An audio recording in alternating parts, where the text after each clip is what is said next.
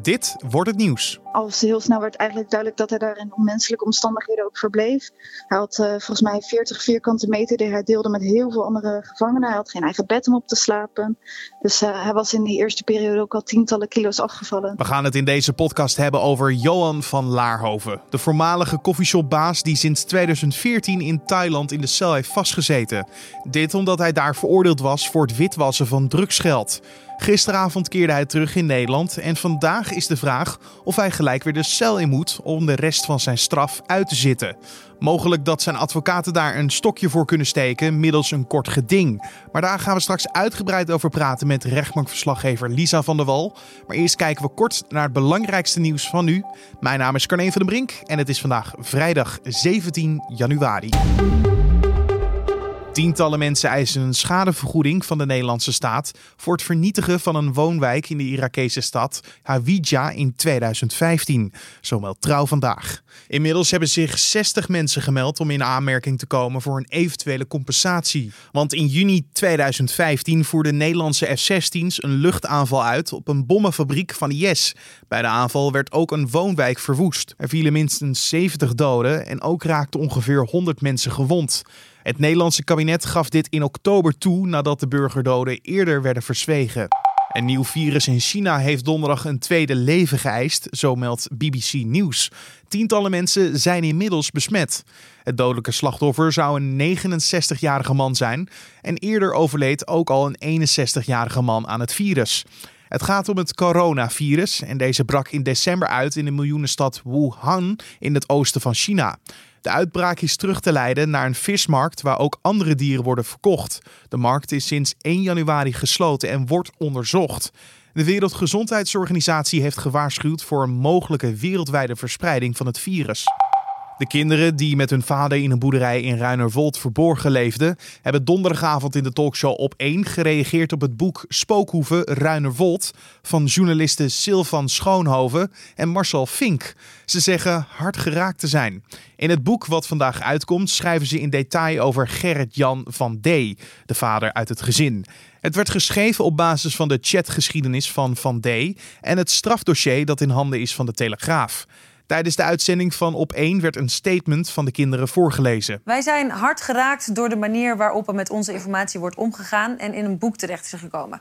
Het schaadt ons extra in deze moeilijke situatie, terwijl we veel van wat we lezen niets met de waarheid te maken heeft. Het kwetst ons dat er in de titel wordt gesproken van een duister gezin, waardoor het lijkt of wij iets verkeerd hebben gedaan. Anders dan de schrijvers beweren is niemand van ons benaderd voor een reactie op dit boek. Al dus de kinderen van Gerrit Jan van D.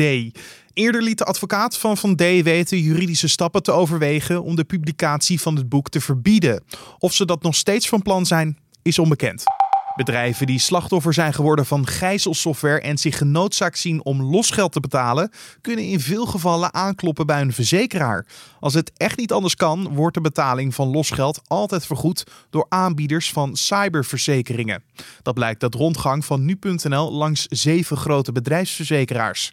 Bij gijzelsoftware, ook wel ransomware genoemd, worden bestanden en systemen versleuteld.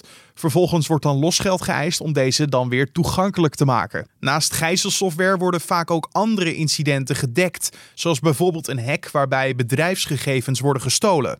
Alleen een bedrijf kan niet zomaar verzekering afsluiten. Verzekeraars stellen namelijk veel voorwaarden waar een bedrijf aan moet voldoen. Dat doen de verzekeraars om het risico dat ze moeten uitkeren zo klein mogelijk te maken. En zoals je aan het begin al hoorde, gaan we het hebben over Johan van Laarhoven. De Nederlander keerde gisteren terug uit Thailand, waar hij 5,5 jaar heeft vastgezeten, omdat hij was veroordeeld voor het witwassen van drugsgeld. Zijn advocaten proberen vandaag middels een kort geding te voorkomen dat de voormalige koffieshophouder meteen het restant van zijn Thaise celstraf in Nederland moet uitzitten. Wat er met hem allemaal aan de hand is, hoor je van rechtbankverslaggever Lisa van der Wal. En collega Joost Nederpelt belde met haar en vroeg als eerste wie deze Johan van Laarhoven precies is. Uh, Johan van Laarhoven is een uh, voormalig koffieshophouder die eigenlijk zijn imperium in Nederland heeft opgebouwd.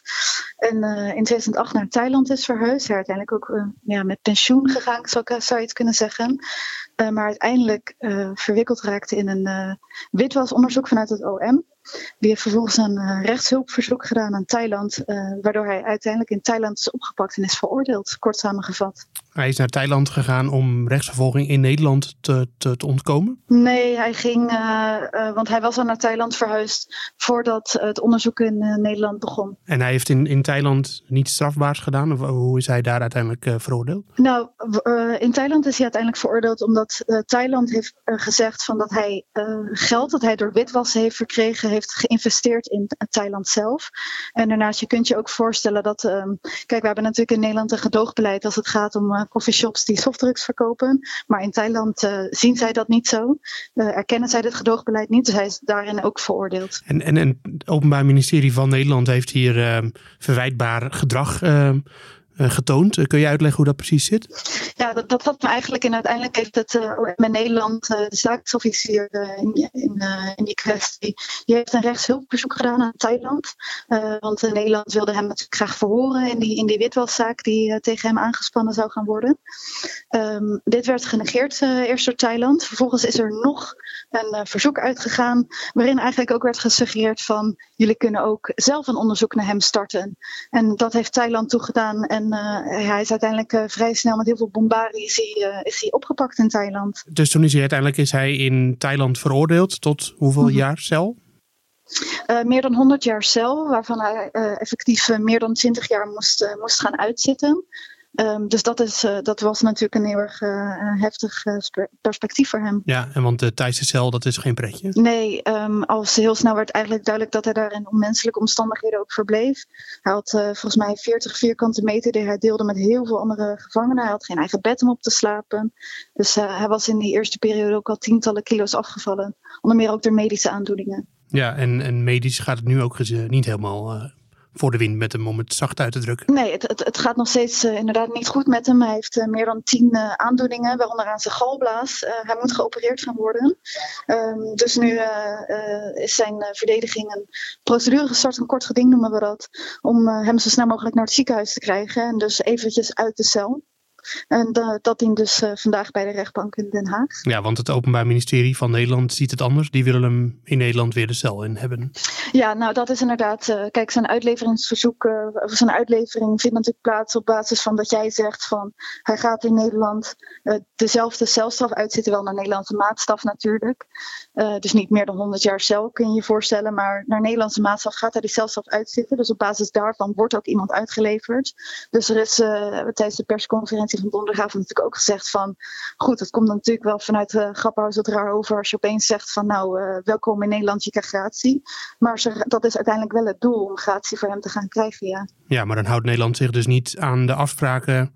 Uh, waaronder uh, Van Laarhoven naar Nederland is gehaald? Nou, in principe uh, behouden wij ons wel onze soevereiniteit daarin. Dus wij zouden er wel voor kunnen kiezen om hem gratie te geven. En dat zou Thailand dus ook kunnen accepteren. Ja, maar dat zou ook een effect kunnen hebben voor toekomstige dusdanige zaken eh, of vergelijkbare zaken met andere mensen die in Thailand vast, andere Nederlanders die in Thailand vastzitten. Dus. Dat is nog heel lastig om te zeggen. Dat, dat zou kunnen, maar het, ze hebben ook de, de, de macht om er wel voor te kiezen om hem gratie te geven. Oké, okay, maar uh, wat gaat er nu uh, gebeuren? Nou, wat uh, allereerst vrijdagochtend gaat de familie eerst naar Vught, waar Van Laarhoven op dit moment vastzit, om hem daar te, te zien na vijf en een half jaar in de Thaise cel dus. Ja, want de broer van, van Larover die mocht hem uh, donderdagavond op Schiphol al niet zien, toch? Nee, nee hij stond echt uh, onderaan de trap te wachten. Hij had een tasje met spulletjes voor hem gekocht. Dus uh, een scheerapparaatje, tandenborstel, dat soort dingen. En kleding die wat geschikter is voor het Nederlandse klimaat, om het zo maar te zeggen. Ja. Maar hij mocht niet bij hem komen. Er is hem echt gezegd dat, dat hij weg moest blijven. ook zijn advocaat mocht hem niet zien. dat is Gerard Spom. Mm -hmm. is een van zijn advocaten. Die heeft alleen telefonisch contact met zijn cliënt mogen hebben. Um, dus dat, uh, dat, dat, vonden zij ook een hele rare gang van zaken. Hij is eigenlijk meteen weggevoerd. Um, dus uh, vrijdagochtend, dus vanochtend nieuwe ronde, nieuwe kansen, mogen ze hem in Vught wel gaan bezoeken, is het idee. En dan uh, die middag uh, dient meteen het kort geding over zijn gezondheid. En, maar ongeacht de uitslag van dat kort geding, er, er loopt in Nederland ook nog steeds een, een verdenking of een onderzoek. Hoe zit dat precies tegen Van Laarhoven? Ja, er loopt gewoon een zaak tegen hem inderdaad. Uh, en het OM heeft dus ook al tegen, tegen ons gezegd dat ze voornemen zijn om hem heel snel al te gaan laten verhoren. Die planningen worden op dit moment al, al gemaakt. Ja, en even naar je eigen inschatting. Is het dan denkbaar dat uh, wat hem nu uh, ook door nou ja, het verwijtbaar gedrag door het Nederlandse OM is overkomen, is het dan mogelijk dat Dat mocht het tot een veroordeling komen, dat dat, dat, dat daar allemaal in wordt meegenomen, wat hem, wat hem nu is overkomen? Ik denk dat het niet gek is om te denken dat het daarin inderdaad wordt meegenomen. Kijk, je moet het natuurlijk wel zien als de Thijssenzaak staat los van de strafzaak die in Nederland gevoerd zal gaan worden. Ja. Dat zijn andere verdenkingen in andere landen. Ehm, maar ehm, ja, ik denk dat het heel menselijk is om te denken dat dat wel wordt meegenomen in de uiteindelijke afweging. Ja. Maar voordat dat allemaal aan de orde is, zal er vandaag dus eerst een kort geding plaatsvinden over Van Laarhoven zijn gezondheid. Je hoorde collega Joost Nederpelt in gesprek met rechtbankverslaggever Lisa van der Wal. En dan kijken we nog even wat er verder op de agenda voor vandaag staat. En dat is dat Aart Staartjes vandaag in besloten kring wordt begraven. De 81-jarige acteur kwam een week geleden in Leeuwarden met zijn brommobiel in botsing met een auto nadat hij de straat op wilde rijden. Hij overleed zondag in het ziekenhuis aan zijn verwondingen. Staartjes was acteur, regisseur, presentator, schrijver en documentairemaker. Maar hij was vooral bekend als meneer Aart, de rol die hij sinds 1984 speelde in het kinderprogramma Sesamstraat. En de organisatie van de Nederlandse Grand Prix op Zandvoort, die in mei worden verreden, geeft vandaag een update over de werkzaamheden aan het circuit. Ook wordt er meer bekend over het bijprogramma. Mogelijk worden daarbij ook artiesten bekendgemaakt die gaan optreden. En dan nog even het weer voor vandaag. De vrijdag begint met regen die vanuit het westen over het land trekt. In de middag klaart het echter op veel plekken tijdelijk op. Er staat een zuidenwind en de gemiddelde temperatuur is ongeveer 9 of 10 graden. En dan nog even een agendapunt voor vandaag en dit weekend. En dat is namelijk dat er weer gespeeld gaat worden op de Nederlandse voetbalvelden.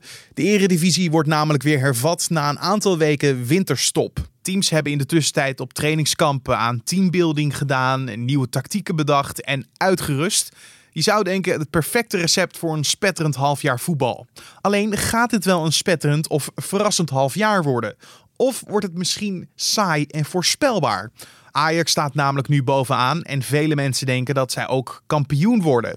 Nu sportverslaggever Riepke Bakker blikt alvast vooruit voor ons. Nou, wat, ik, wat het allerleukste wordt van dit jaar. Kijk, ik denk dat Ajax kampioen wordt en dat wordt niet heel erg spannend meer. En die degradatiestrijd wordt ook nog wordt, wordt wel wat interessanter met Ik schrijf het op, hè? En daar kom ik op terug anders, als het niet zo is. Oh, dat mag, dat mag, absoluut. Maar uh, uh, wat het allerleukste wordt is natuurlijk... er mogen 23 spelers naar het EK... En daar lopen er een aantal in de eredivisie rond. Hè. Steven Berghuis bij Feyenoord, Ryan Babel nu bij Ajax. Boadu, Stenks, de supertalenten van, uh, van AZ.